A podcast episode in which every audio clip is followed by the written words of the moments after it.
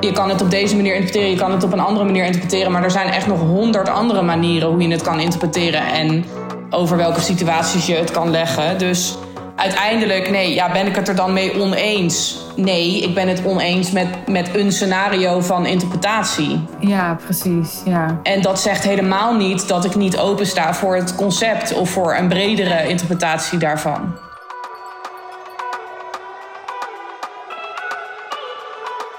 Ik noem haar gekscherend wel eens de senior uit The Real Deal. Mijn klant Linde Nieman was al bijna anderhalf jaar geleden ook eens te gast in mijn podcast. Ze was de tweede klant, denk ik, die ik vroeg om in mijn podcast te komen. Inmiddels zijn we een hele tijd verder en is er een hele hoop veranderd. Daar vertelt ze kort wat over in deze aflevering, maar dat is niet de insteek van dit gesprek. Dit is echt een ander klantgesprek dan andere podcasts met klanten die je van me gehoord hebt, omdat we het uh, dus maar kort hebben over wat er voor Linde veranderd is, mede dankzij de Real. En het de rest van deze aflevering hebben over dat waar het tussen Linde en mij wel eens schuurt qua visie. Ja, dat is wel een uh, vernieuwende insteek, toch? Voor deze podcast, vind ik wel. Want ja, Linde en ik kunnen super goed met elkaar. Ik vind haar fantastisch. Ik waardeer haar enorm als klant. En ik vind het juist heel interessant dat wij af en toe tegenkomen dat zij ja, toch wat, um, wat weerstand ervaart bij mijn visie of mijn mening. En daar kunnen wij dan heel goed over praten. En weer heel erg vanuit verbinding elkaar in inspireren. Zo ervaar ik het.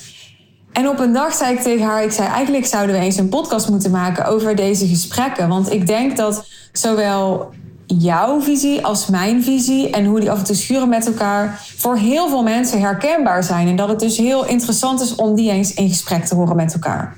Dat hebben we voor je geregeld en dat hoor je in deze aflevering. Heel veel plezier. Linde, welkom terug in de podcast. Dankjewel. Dit is de tweede keer voor jou. Ja, dat klopt.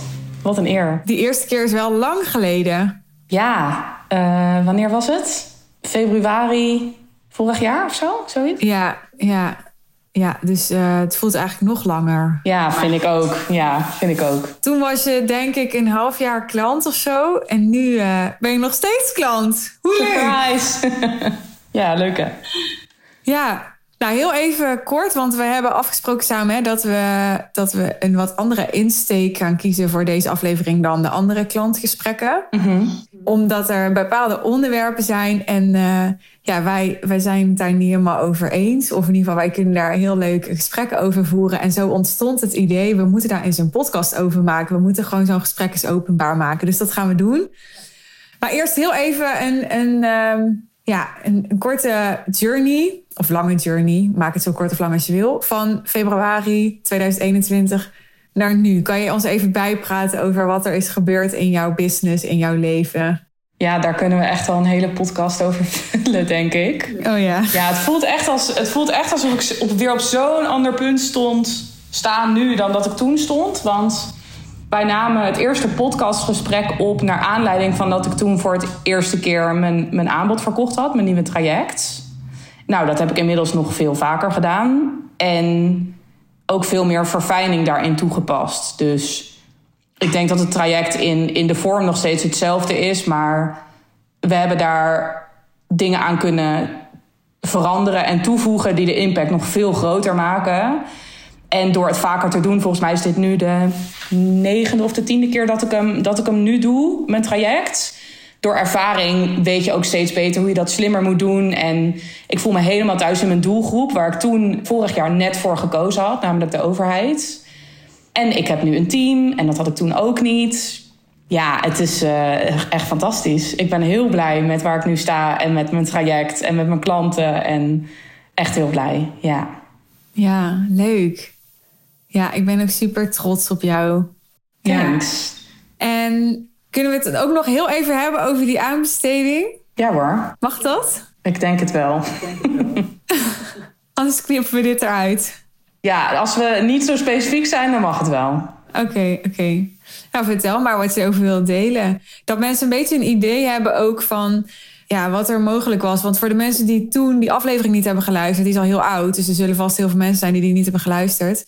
Je kwam bij mij, even in het kort, en toen deed je trainingen van 1000, 1500 euro of zo. Klopt, ja. Ja, en nu heb je, zit je dus in een traject voor een aanbesteding van hoeveel? 150.000 euro. Ja. Ja, bizar. Ja. Dat is toch bizar? Ja, dat is heel bizar. Ja, ja dat is uh, echt fantastisch. Ja. Ja, vind ik echt cool. Ja, ik ook. ja, het, is, het stelt me gewoon in staat om nog grotere impact te maken. En het is, ik heb nog meer dan toen. Want vorig jaar, toen we de podcast opnamen, ja, vond, ik het, vond ik het draaien van mijn traject mentaal ook nog best wel zwaar. Omdat ik struggelde met hoeveel verantwoordelijkheid moet ik nemen en waar moet ik dat laten bij mijn klanten. En ik was ook vooral gewoon ook nog bezig met mezelf daarin. En nu voel ik me zo zelfverzekerd en ontspannen in wat ik kan bieden en wat ik niet kan bieden. En daar wordt mijn begeleiding en dus ook de impact van mijn klanten nog veel groter mee. En ik weet dus ook veel beter waar ik een bijdrage aan te leveren heb. En dat stelt me dus ook in staat om langdurige samenwerkingen aan te gaan, omdat ik precies weet: deze mensen kan ik heel goed helpen.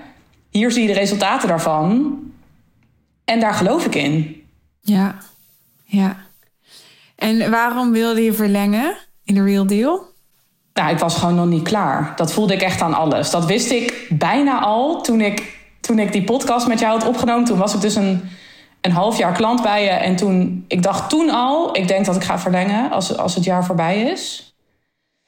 Want voor mijn gevoel was ik net een beetje op stoom gekomen. Ik had, het duurde gewoon voor mijn gevoel best lang voordat ik doorhad hoe het allemaal moest met, met mijn nieuwe bedrijf eigenlijk. Want ik heb zoveel omgegooid dat het echt voelde als een nieuw bedrijf. En ik voelde in alles dat ik daar nog heel veel van jou in kon leren. Dat ik de grote stappen nu had gezet, maar dat het vervolg hem veel meer zit in de verfijning en in de sustainable growth en in welke kansen er nog voor me liggen en hoe ik nog groter kan denken. En ja, ik was er echt van overtuigd dat jij de persoon was die me daarbij kon helpen. Dus. Nou, wat een eer. Ik ben ook super blij dat je erbij bent. Ik vind het heel leuk. Ja, ook omdat er natuurlijk niet alleen maar, maar er zitten best wel wat um, business coaches ook in, uh, in de Real Deal. En ja, jij doet dan nu zo'n aanbesteding en werkt voor de overheid. Zo, dat is toch weer iets heel anders. Ja. En ik vind die variatie uh, mooi. Terwijl je denk ik, ja, dat mag je zelf zeggen, toch ook wel veel herkenning nog kunt vinden bij anderen. Ja, zeker. Ja, ik denk dat, dat uiteindelijk waar het grootste verschil misschien in zit, is hoe ook het salesproces gaat. Want dat is voor een, een, een klant als de overheid gewoon echt heel anders dan ja. verkopen aan een persoon. Ja. Dus dat is waar ik het grootste verschil in merk. Alleen alle alle thema's die je als business coach kan ervaren met je klanten, die zijn, die zijn bij mijn klanten ook, komen ook aan bod. En vooral alles daaromheen. Ja, ik heb, ik heb niet het gevoel dat ik helemaal niet kan relaten met iemand die ondernemers coacht, bijvoorbeeld. Nee, dat, dat helemaal niet. Nee. En nou hadden wij uh, in het uh, voorgesprekje net, hadden wij het erover, ik vond dat grappig, dat we dus deze podcast gingen opnemen over iets waar we het niet helemaal over eens zijn. Ja, daar ben ik dus benieuwd naar of we het echt zo oneens zijn of dat we er straks achter komen dat het misschien wel meevalt. Ja. Dat weet ik nog niet zo goed. En toen zei jij, ja, ik vind het wel leuk om een keer te laten horen dat er ook mensen het oneens zijn met jou. En ik had echt zoiets van, huh? Maar het is toch niet zo dat iedereen het eens is met mij? Nee, en toen ja. zei jij, hè, van die indruk heb ik wel. Ja ik heb, ik heb toch de indruk of zo dat jij bent zo slim en gearticuleerd. En je zei, daar heb je laatst nog een post over geschreven over hoe goed jij ook bent in je uitdrukken en woorden. In je communicatie. En ik denk dat je gewoon heel overtuigend bent. Dus dat veel mensen, als ze jou horen praten ergens over, dat zou heel snel denken: Nou, jij heeft gewoon wel een punt. Dus ja, maar goed, jij hebt dat heb idee jij dus niet. niet. Jij denkt echt, nou, wat is dit voor mortaal? Nee, helemaal niet. Nee, nee, nee, helemaal niet. Maar ik denk dat, dat, dat jij bent opinionated en ik ben opinionated. En over sommige dingen zijn we het niet eens. Maar dat is ook helemaal niet erg. Dus heb je geen last van? Nee, ik vind het, if anything, juist echt een verrijking om het op een diepgaand niveau met iemand te kunnen hebben over bepaalde thema's die er anders over denkt dan jij. Ik denk dat dat heel verrijkend is voor mijn blik en dat ik daar. Nou ja, ik, ik verander ook regelmatig van mening over dingen. Door dingen die jij dan zegt, bijvoorbeeld. Dus ik vind dat Oh, juist. geef even een voorbeeld. Nou, over dat thema vergeving, waar we het straks, waar we straks eh, ook nog wel wat dieper over gaan hebben. Toen we daar in eerste instantie het eerste gesprek over voerden, toen dat een keer naar boven kwam, toen dacht ik echt, toen reageerde ik heel erg vanuit emotie. Toen dacht ik, wat een bullshit. En nu denk ik daar veel genuanceerder over. Nog steeds denk ik op een basisniveau dat we daarover van mening verschillen. Alleen door echt naar jou te luisteren, begrijp ik het wel veel meer dan dat ik deed. Ja. Interessant. Kan je je nog herinneren wat het eerste was waarvan je dacht... nou ja, hier ben ik het echt niet mee eens?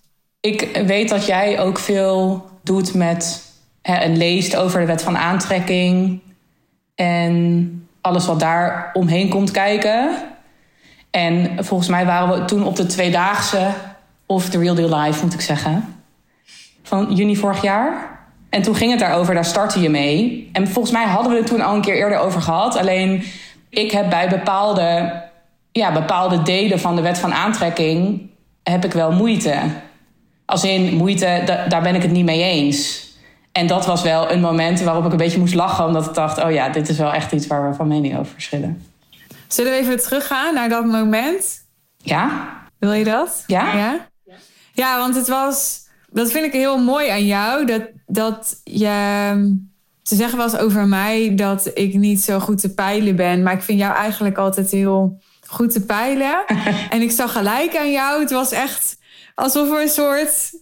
Ja, ik weet niet. Alles om je heen schreeuwde een soort alarm. Zo van, dit klopt niet, dit klopt niet. Is dat een en al, een en al weerstand of zo? Ja. En toen eh, heb ik, ben ik volgens mij ook naar je toegekomen. Althans heb ik gevraagd aan jou van... wil je daar iets over zeggen? Mhm. Ja. Toch? ja, dat klopt, ja. Ja, en ik weet niet meer precies wat je toen zei. Maar wat ik me wel herinner is dat het ook wel ging over... dat je het allemaal wel privileged vond. Ja. Ja. Ja, ook. Ja. En wat nog meer? Nou, dat ik me bij dit soort thema's altijd afvraag hoe ver je dat door kan trekken. Dus hè, dat is ook, volgens mij heb jij daar toen ook iets over gezegd. Maar wat ik toen bijvoorbeeld zei is: oké, als, als alles gemanifesteerd is in je leven, zijn mensen die, hè, kinderen die honger hebben in Afrika, hebben zij dat dan gemanifesteerd? Ja, daar kan ik met mijn hoofd niet bij. Dat is een stuk waar, waarvan dan, waar, waar ik dan vragen bij heb.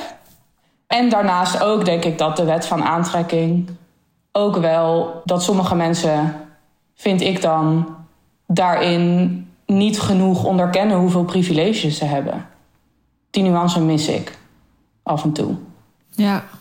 Heeft het ook te maken met het weerstand tegen maakbaarheid? Ja. Dat alles dus dan maar maakbaar is? Ja, dat ook. Ja, nou sowieso geloof ik dat niet, dat alles maakbaar is. Maar daarnaast denk ik ook dat dat best een gevaarlijk gedachtegoed kan zijn om te stimuleren in mensen. Ja, want dat is wat ik op dat moment heel erg voelde in jou. Het ging misschien niet eens over of je het wel of niet met me eens was. Maar ik voelde meer in jou dat je zoiets had van... Je had echt een soort van ethische bezwaren voor mijn Klopt. gevoel. Ja, dat is ook zo. Ja, dat, Ja. Ik denk dat het voor mij dan... Dat roept bij mij iets, iets op van bijna onrechtvaardigheid. Of ik weet niet, dat raakt gewoon iets, iets in mij wat, wat heel diep zit, blijkbaar. Ja, waar ik dan wel alarmbellen van krijg. Ja. Vond je mij te ongenuanceerd op dat moment? Nee, want ik vind jou eigenlijk nooit ongenuanceerd. Maar ongeacht of je genuanceerd bent of niet... kan ik het alsnog met, de, met het gedachtegoed niet eens zijn. Ja. Ik denk bij ongenuanceerd zijn er ook al vrij snel dat mensen bot zijn. En dat je dan iemand onbedoeld kan kwetsen daarin of zo. En dat, dat heb ik nooit bij jou. Ja, en ongenuanceerdheid heeft denk ik ook te maken met een soort eenzijdigheid. Dat je helemaal voorbij gaat aan een andere, ander perspectief of zo. Ja, en dat maakt het juist ook zo interessant om het met jou over deze dingen te hebben. Omdat in de basis, we zijn het misschien met elkaar oneens. Maar als we daar dieper op ingaan, als je in die nuance komt... dan kom ik vaak tot de conclusie dat we het helemaal niet zo heel erg met elkaar oneens Nee. zijn. En dat is dan ook wel weer interessant. Ja. Geloof jij helemaal niet in de. Ja, ze zeggen dan hè, dat, je, dat de wet van aantrekking niet iets is om in te geloven. Dat het net is als de zwaartekracht. Het is er gewoon. Maar goed. Erken jij dat de wet van aantrekking bestaat of, of gewoon helemaal niet? Jawel, zeker wel. Ja, ik denk dat daar absoluut waarheid in zit. Ja, het, het is nog niet eens dat ik denk... Dat, ik vind de wet van aantrekking onzin, want dat vind ik helemaal niet. Alleen de manier waarop er soms over gesproken wordt... daar mis ik misschien een soort context in. En dan wordt het voor mijn gevoel te plat. En dan, ja, werkt het niet voor mij, I guess. En je zit niet in je vrije tijd uh, Abraham Hicks te kijken? Nee, nee. Nou, wel meer. Omdat jij zei, joh, dit moet je eens kijken. Als jij zegt, dit moet je kijken, want ik denk dat je het interessant vindt... dan ga ik dat doen. nee, niet, niet uh, uit mezelf, denk ik. Nee. Het andere onderwerp was vergeven. Daar begon jij net al over. Ja. We hadden hier laatst... Ja, ik denk voor mijn gevoel een maand of twee geleden... of ze hadden weer in een call... kwam dit ter sprake... Ik weet eigenlijk niet meer zo goed wat de context was. Nee. Ja, volgens mij heb ik toen iets tegen je gezegd als... volgens mij heb je nog wat te vergeven of zo. Heb ik dat gezegd? Ja, nou ja, dat heb je, heb je volgens mij wel vaker gezegd. Maar wat je toen... Oh. wat toen... Je hebt heel veel te vergeven. nou, wat toen in die call volgens mij was wat je zei... is volgens mij wil je het gewoon niet horen. Dat je wat te vergeven hebt? Ja.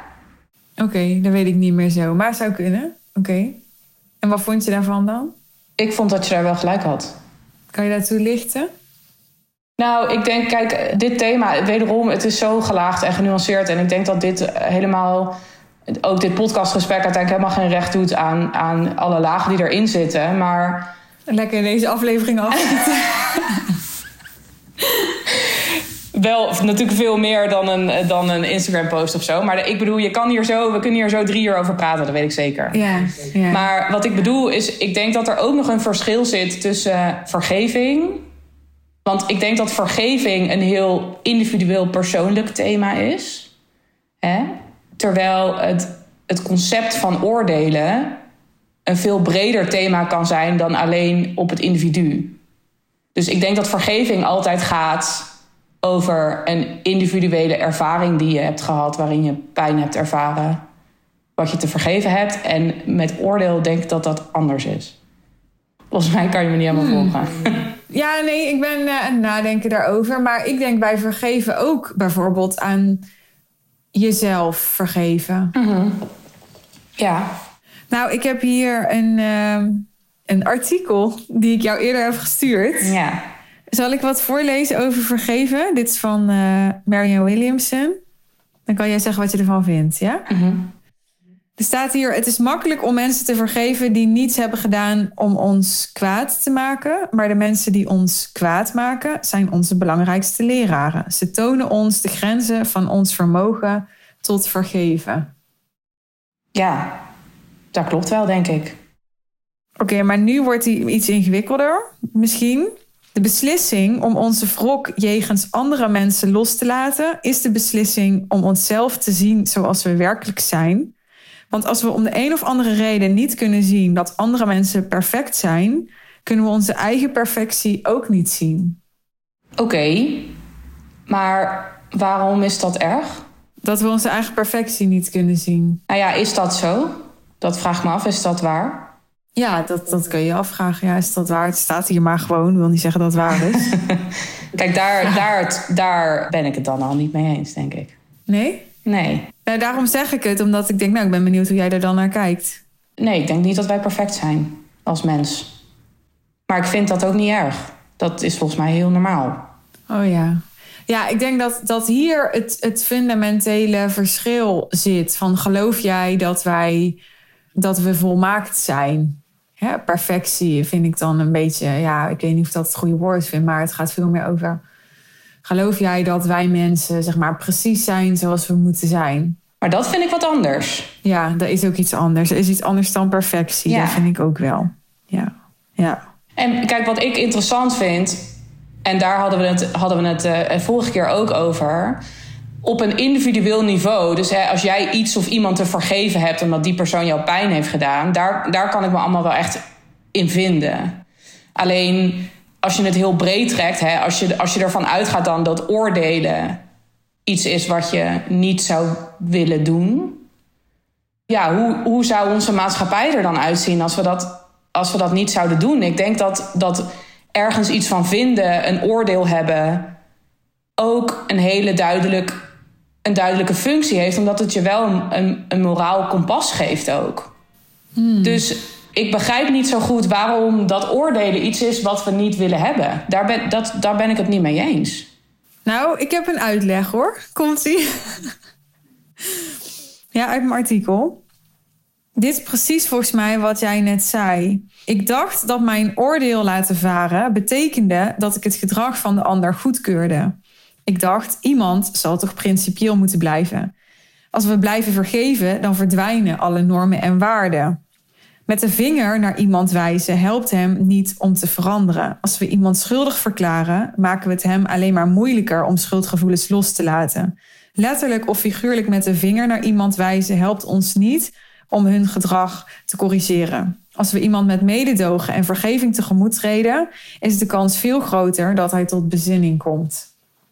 Ja, en ik vraag me dan af hoe dit maatschappelijk gezien eruit zou zien. als jij zegt: oké, vanaf nu gaan we alles tegemoet treden met vergevingsgezindheid. Wat doen we dan met mensen die mensen vermoorden, bijvoorbeeld? Even een heel extreem voorbeeld. Mhm. Maar gaan we dan ons hele concept van er zijn dingen die je in de maatschappij wel en niet doet, hè, richting andere mensen bijvoorbeeld, gaan we dat dan helemaal loslaten? Ja, ik, ik, je ziet dat niet voor je. Nee, ik zie dat niet voor me, nee. Ja, nou ja, ik kan misschien iets zeggen over hoe ik dat voor me zie. Ik heb wel echt zo'n fundamentele overtuiging van dat de dynamiek van aanval en verdediging. En ik zie dan oordeel als een soort aanval en verdediging zie ik als een soort bewapening tegen aanval. Ik denk dat is gewoon de hele dynamiek van oorlog. En ik geloof in die zin dat als ja, dus de aanval en verdediging er niet meer hoeft te zijn, omdat er geen oordeel is. Maar ik denk dat het verder gaat dan oordeel. Want ik denk niet dat we ons alleen maar verdedigen als we oordeel voelen. Ik denk dat we ons ook verdedigen als we ons bedreigd voelen. En dat hoeft denk ik niet altijd alleen maar te komen door een oordeel. Maar goed, voordat ik helemaal wegdwaal. Ja, ik geloof dus dat, dat er dan bijvoorbeeld geen oorlog zou zijn. En ik geloof ook niet meer zo in ja, dat straffen ergens een oplossing voor is. Daarmee wil ik niet zeggen dat je moordenaars maar vrij moet laten rondlopen. Ik denk wel dat, het, dat je alsnog gewoon regels met elkaar af te spreken hebt en die ook te handhaven hebt om te kunnen functioneren met elkaar. Maar wat is dan het verschil? Als in, oké, dus ik, ik, ik ben het met je eens dat, dat straffen. Ik denk dat wij in Nederland dat al veel minder doen dan bijvoorbeeld in landen als Amerika. Ik ben het met je eens dat straffen over het algemeen niet echt een slim uitgangspunt is om mensen te, nou ja, whatever. Maar jij zegt, oké, en we moeten moordenaars niet zomaar vrij laten rondlopen, maar als je ze niet gaat straffen, wat, wat, ga, je, wat ga je dan doen dan ga je uh, de maatschappij tegen ze beschermen op de een of andere manier. Maar ik denk echt dat die, dat, dat een andere intentie heeft mhm. dan straffen. Is dat ook niet subjectief? Want iemand kan iets als straf ervaren terwijl jouw intentie niet is om te straffen. Ja, dat kan. Zeker. Dat is hetzelfde als dat iemand gekwetst kan zijn terwijl het niet jouw intentie is om te kwetsen. Maar dat dat zit dan in die ander. Dat heeft dan te maken, denk ik, met de pijn die in degene zit die zich gestraft voelt. Mhm. En ik denk dat die pijn heel vaak weer ontstaan is door een gebrek aan vergeving. Denk er maar eens over na. Weet je, waarom voelen we pijn? Waarom hebben we triggers? Dat is heel vaak oude pijn uit nou ja, begint al in onze opvoeding. Je hoeft echt niet een heel slechte jeugd gehad te hebben om toch wel afgewezen te zijn in je opvoeding. En dat heeft al heel erg te maken met onze cultuur. Dat vind ik zo interessant aan uh, het boek van Jan Geurts over het einde van de opvoeding. Ja, voert weer een beetje ver om daar nu helemaal op in te gaan. Maar daar begint het eigenlijk al. In onze opvoeding, als je dat boek leest, dat, dat maakt mij heel bewust, zit er heel veel afwijzing. Mm nou, door die afwijzing bouwen mensen denk ik een, of bouwen, maar ontwikkelen mensen denk ik een ongezond ego, zeg maar, of een gekrenkt ego of een beschadigd ego of wat dan ook. En vanuit dat gekrenkte ego gaan ze ook veel eerder zich weer bedreigd voelen, waardoor ze gaan verdedigen. En als je beseft dat verdedigen eigenlijk aanvallen is, gaan ze ook weer aanvallen. En dan, dan heb je dus strijd overal op alle mogelijke manieren in je samenleving. Ja. Ik wil nog één stukje voorlezen, mag dat? Ja, ik vind dit dus helemaal mooi. Ja? Ja, tuurlijk. Jouw podcast, hè? oh ja, ja, dat is waar. Oké. Want hier zit denk ik ook een kern in. En dit is ook iets wat ik nog niet zo heel lang echt me besefte. Maar vergeven is de beslissing nemen om mensen te zien zoals ze nu zijn. Als we boos zijn op iemand, zijn we boos over iets wat ze gezegd of gedaan hebben voor dat moment. Maar iemands identiteit wordt niet bepaald door zijn uitspraken of daden. Relaties worden vernieuwd als we onze ideeën loslaten over het verleden van onze broeder. Wat hoor jij hierin? Nou, het roept vooral vragen op, denk ik, bij mij. Heel eerlijk, ja. Nou ja, goed, ja, ik denk zeker dat hier absoluut waarheid in zit. En tegelijkertijd vraag ik me dan, ik weet niet hoe zij daarover denkt, maar als relaties. Wat zei ze nou? Als relaties Relaties worden vernieuwd als we onze ideeën loslaten over het verleden van onze ja, moeder. Nee, dat, dat, snap ik. Alleen ze zegt daarvoor iets van relaties zijn niet, moeten niet gebaseerd worden op het verleden of zo. Of, wat staat daar? Als we boos zijn op iemand, zijn we boos over iets wat ze gezegd of gedaan hebben voor dat moment. Maar iemands identiteit wordt niet bepaald door zijn uitspraken of daden. En waar wordt iemands identiteit dan wel door bepaald? Ja, mooie vraag. Door hoe iemand nu maar dat is geen identiteit. Ik zeggen door hoe iemand nu is, maar dat. Dat is het moment. Dat is geen identiteit. Misschien komen we dan wel bij de vraag of identiteit wel echt bestaat. Maar dan wordt het wel, dan, ik zie jou echt al kijken en dan wordt het wel heel spiritueel. Ja. Ik denk waar het hier over gaat, is dat daden en uitspraken natuurlijk altijd komen vanuit een identificatie met het ego. En het ego is een soort concept. Mm niet iets wat je zeg maar kan vastpakken. Nee. Nee, dat is waar. Maar ja, wat ik, ik, hoe ik dat dan voor me zie, dan denk ik: oké, dan moeten we mensen, dan zijn we alleen maar, moeten we eigenlijk alleen maar bezig zijn met het hier en nu.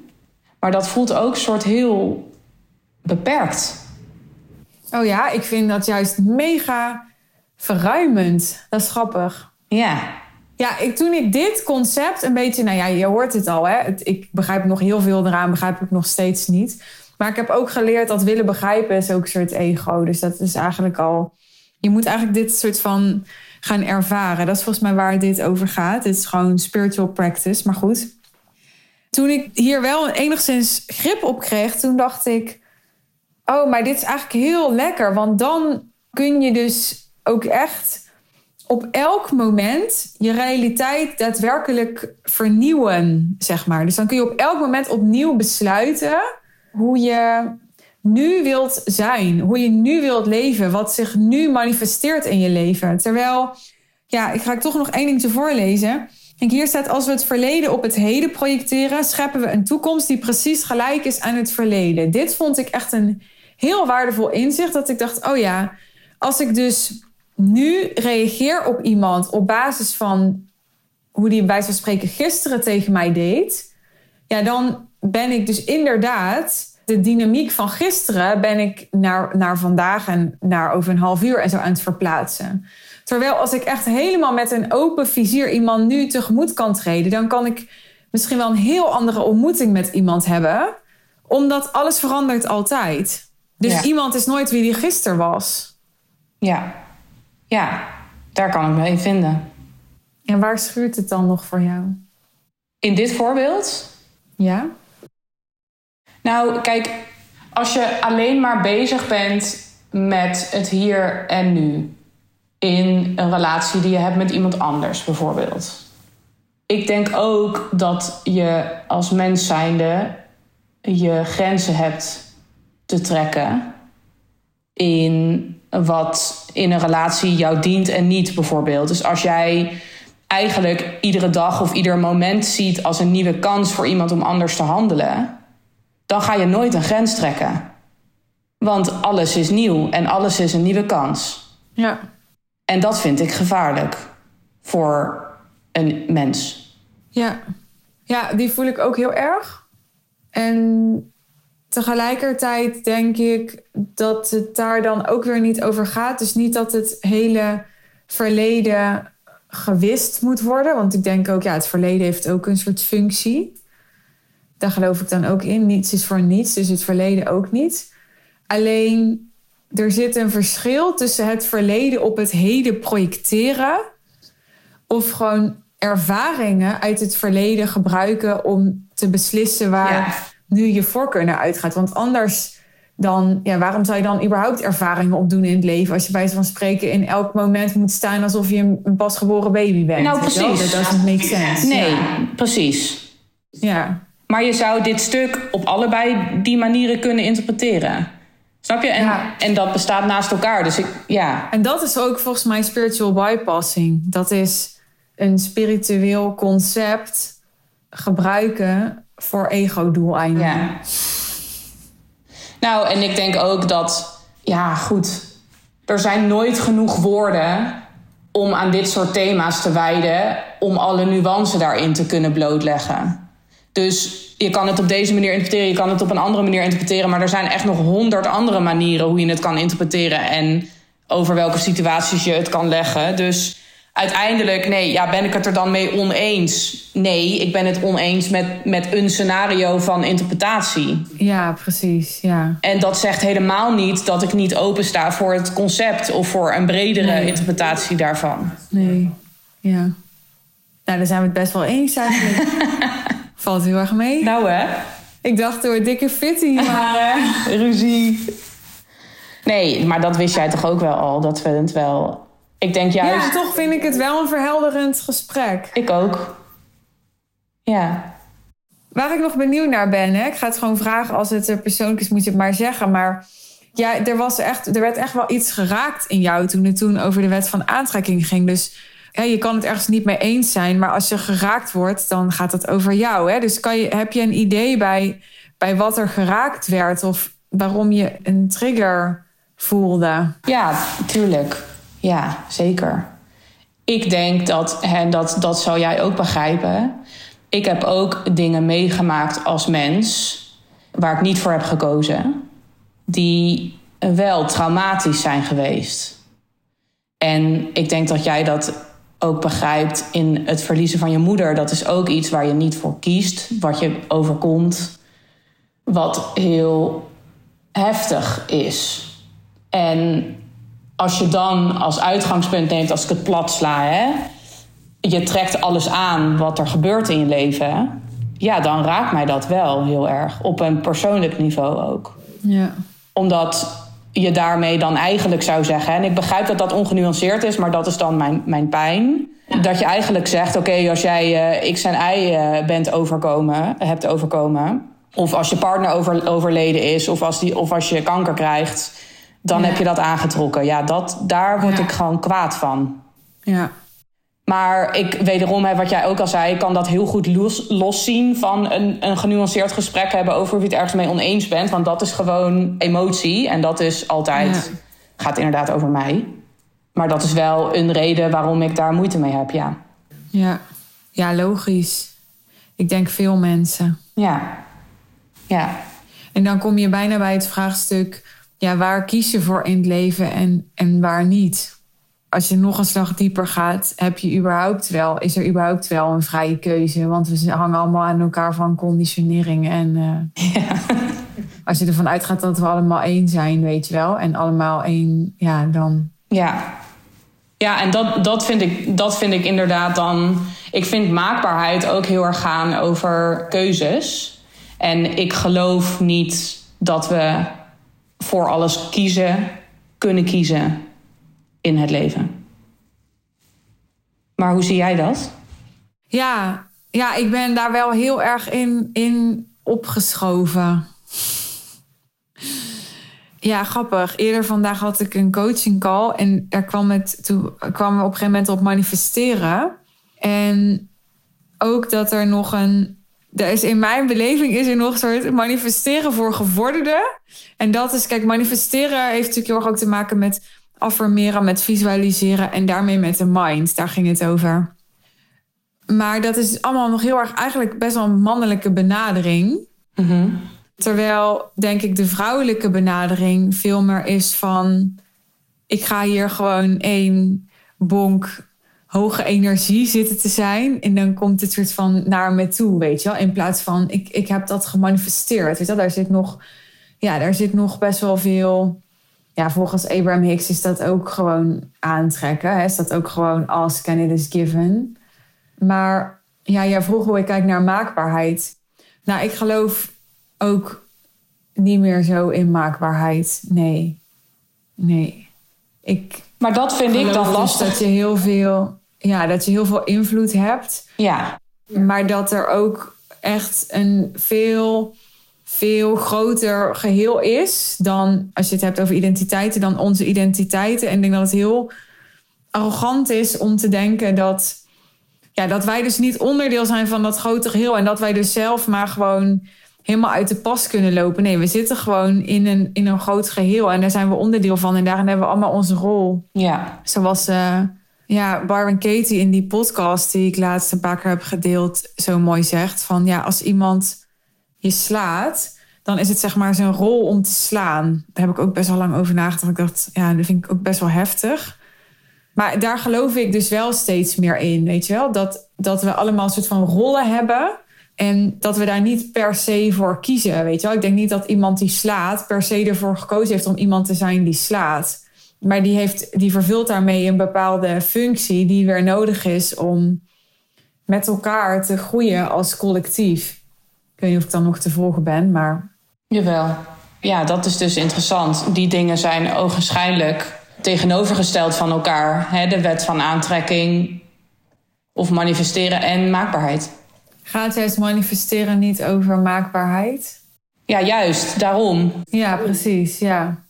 Ja, weet je, ik denk dat gewoon de wet van aantrekking ook enorm erg verkeerd wordt geïnterpreteerd. Ja, dat doe ik vast de wet ook. Van aantrekking, ja, ik denk dat de wet van aantrekking gewoon heel erg gaat over. Ja, net zoals een, een magneet, weet je wel. Wat dingen worden aangetrokken of afgestoten. Wat heel iets anders is dan dat je alles in je leven kunt regisseren of zo. Mhm. Dus eh, dingen die, die met elkaar resoneren, van die, die, van, die soort van, van hetzelfde soort zijn, of op dezelfde frequentie resoneren, die worden door elkaar aangetrokken. Maar dat wil niet zeggen, denk ik, dat, dat als ik me nu helemaal afstem op als ik zo meteen de deur uitloop, dan loopt er een rode kater voor mijn huis, dat er dan een rode kater voor mijn huis loopt. Ja, ik noem even iets debiels, maar Ja, misschien zie ik daar dan te veel van. Dat mij dat. Eh, ik, eh, even disclaimer. Ik weet niet genoeg van de wet van aantrekking om daar echt een allesbepalend oordeel over te hebben. Dus, maar wat ik er soms van lees en zie, vind ik het wel neigen naar een te, voor mij, te, te grote, de groot geloof in maakbaarheid. en dan zie je quotes op social media of zo. Wat zie je Nou dan? ja, ik, ik bedoel, ik zoek het ook op, want ik ben er geïnteresseerd in. Juist omdat ik het er niet altijd mee eens ben. Dus mensen die hun leven wijden aan, aan de wet van aantrekking. En ik volg die mensen dan misschien op social media of in een nieuwsbrief bijvoorbeeld. Da- daar lees ik dingen dan over. Maar goed, misschien moet ik gewoon eens een programma volgen bij iemand die dat dan helemaal leert. En dan kan ik daar echt iets over zeggen. Oh, dit is interessant. Ja, I love it. Gewoon, ik voel daar weerstand. Ik ga daar eens even heel veel over leren. Ja, Want, want wat ik tot nu toe heb gedaan is natuurlijk ook nog vrij matig in termen van mezelf daar helemaal in, in onderdompelen. Dus ik, ik zou dat oprecht wel. Nu hoeft niet iedereen die deze podcast luistert mijn aanbod te doen. Alsjeblieft. Hele DM's vol. No thanks. Dat zoek ik zelf wel op. Ja, ik, ik, dit onderwerp is niet voor mij afgesloten. Van oké, nu vind ik dit ervan en, en daar ga ik nooit meer iets mee doen. Wie weet, moeten we over twee jaar nog een keer een podcast opnemen en dan, dan sta ik er helemaal anders in. Ja. ja, ik sta er wel echt anders in dan twee jaar geleden. Ja. Ja, Ja, ik denk ook omdat ik echt ben gaan geloven dat zelfs al zou het allemaal kloppen en dan zou het allemaal wel maakbaar zijn, dan nog denk ik dat het heel arrogant is om ja. te denken dat jij het beste weet wat dan goed voor jou is, weet je wel? Ja, ben ik mee Ik bedoel, ja, als ik het even heel materialistisch neem, dan kan je denken, ja, oké, ik wil graag een groot huis en ik wil graag eh, twee labradoodles en eh, weet je wel, drieënhalf kind en eh, een partner die er zo uitziet en nou ja, noem het dan maar op. Ja, nou ja, hoeveel mensen hebben wel niet al die, zeggen wel niet dat ze al die dingen gemanifesteerd hebben in hun leven en dan zijn ze ook niet gelukkig, weet je wel? Dus dat is helemaal niet waar het denk ik over gaat. Nee. Nee, dat is te praktisch, denk ik dan. Te veel invulling. Ja, en dat is volgens mij wat, wat eh, Abraham Hicks ook zo mooi zegt. Als je aantrekt wat je wil, als je de joy volgt, als je je goed voelt, dan maakt het eigenlijk helemaal geen bal meer uit of je het wel of niet aantrekt, want dan voel je je toch al goed. Ja, ja, dat is ook wel dat vind ik zo leuk eraan. Ja. Ja, toch? Ja. Nee, ja, maakt het überhaupt uit? Nee. Heb je nog iets toe te voegen of wil je nog iets vragen of zeggen? Nee, ik denk het niet. Ik denk dat dit wel de essentie pakt van waar we het over gehad hebben. En ik, nou ja, ik denk wat ook wel mooi in deze podcast naar voren komt, is hoe we, wat we in het begin eigenlijk ook al zeiden, hoe we het op bepaalde dingen niet met elkaar eens kunnen zijn, maar ook toch op veel vlakken weer wel. Terwijl dat op het eerste gezicht niet zo lijkt. Ja. Ik denk sowieso als je open kunt staan om elkaar echt te horen, dan is het best wel makkelijk om te verbinden. Ja, eens. En dan vind je elkaar wel weer. En ook als dat niet zo was geweest, was dat ook oké geweest, denk ik. Ja. Want alles is zoals het moet zijn. Mooi einde van de podcast. Ja. Leuk. Ik ben heel benieuwd. Nog een eh, levensmotto voor de luisteraar? Nee, dat, nee, niet echt eigenlijk. Ik, ik vind Jan Geurts heel tof. Ik heb heel lang als motto gehad: geef niets, mag best, laat maar even. Oh ja. Die heb jij toen een keer tegen mij was ik gezegd. vergeten. Dat was echt helemaal mijn, eh, mijn mantra. Ja. En dat vind ik nog steeds echt een hele mooie. Geef ik ook aan andere mensen Ja. Wat grappig. Ja. Mooi. Thanks. Thank you. Dankjewel voor het luisteren tot hier en naar het gesprek tussen mij en Linde. Ik ben natuurlijk super benieuwd wat jouw takeaway is uit deze aflevering. Linde wellicht ook. Dus stuur ons gerust een berichtje op eh, Instagram of nou, voor mij part LinkedIn als je dat fijner vindt. Of e-mail om eh, je reactie te delen met ons. Ik kijk er naar uit om van je te horen. En eh, ja, mochten nou die, die paar zinnen die Linde heeft gedeeld over haar transformatie jou zo geïnspireerd hebben dat dat het laatste zetje was, of misschien wel gewoon de eerste duw die jij nodig had om met ons in gesprek te gaan over hoe wij jou de transformatie van je leven kunnen bezorgen. Althans, we komen er niet op een presenteerblaadje bij je bezorgen, zo is het niet. Maar we gaan je wel op de best mogelijke manier daarbij helpen en in begeleiden. Ga dan naar de show notes en daar vind je uitgebreid informatie over voor wie ik er ben en hoe je je call boekt over de Real Deal en wat de Real Deal je kan opleveren. Althans, uitgebreid. Ja, ik, ik heb de, de show notes wat uitgebreid, dus daarom zeg ik uitgebreid. Maar het is nog steeds geen heel verhaal. Mocht je eerst nog vragen hebben en denken het was me toch niet uitgebreid genoeg, stuur me dan ook gerust een DM. Ik eh, ga heel graag met je in gesprek. Dat was hem voor deze aflevering. Ik ehm, hoop dat ik samen met Linde van waarde voor je heb kunnen zijn. En ehm, ik hoop natuurlijk dat je er de volgende keer gewoon weer bij bent. Dus tot de volgende aflevering. Mooie dag. Ciao.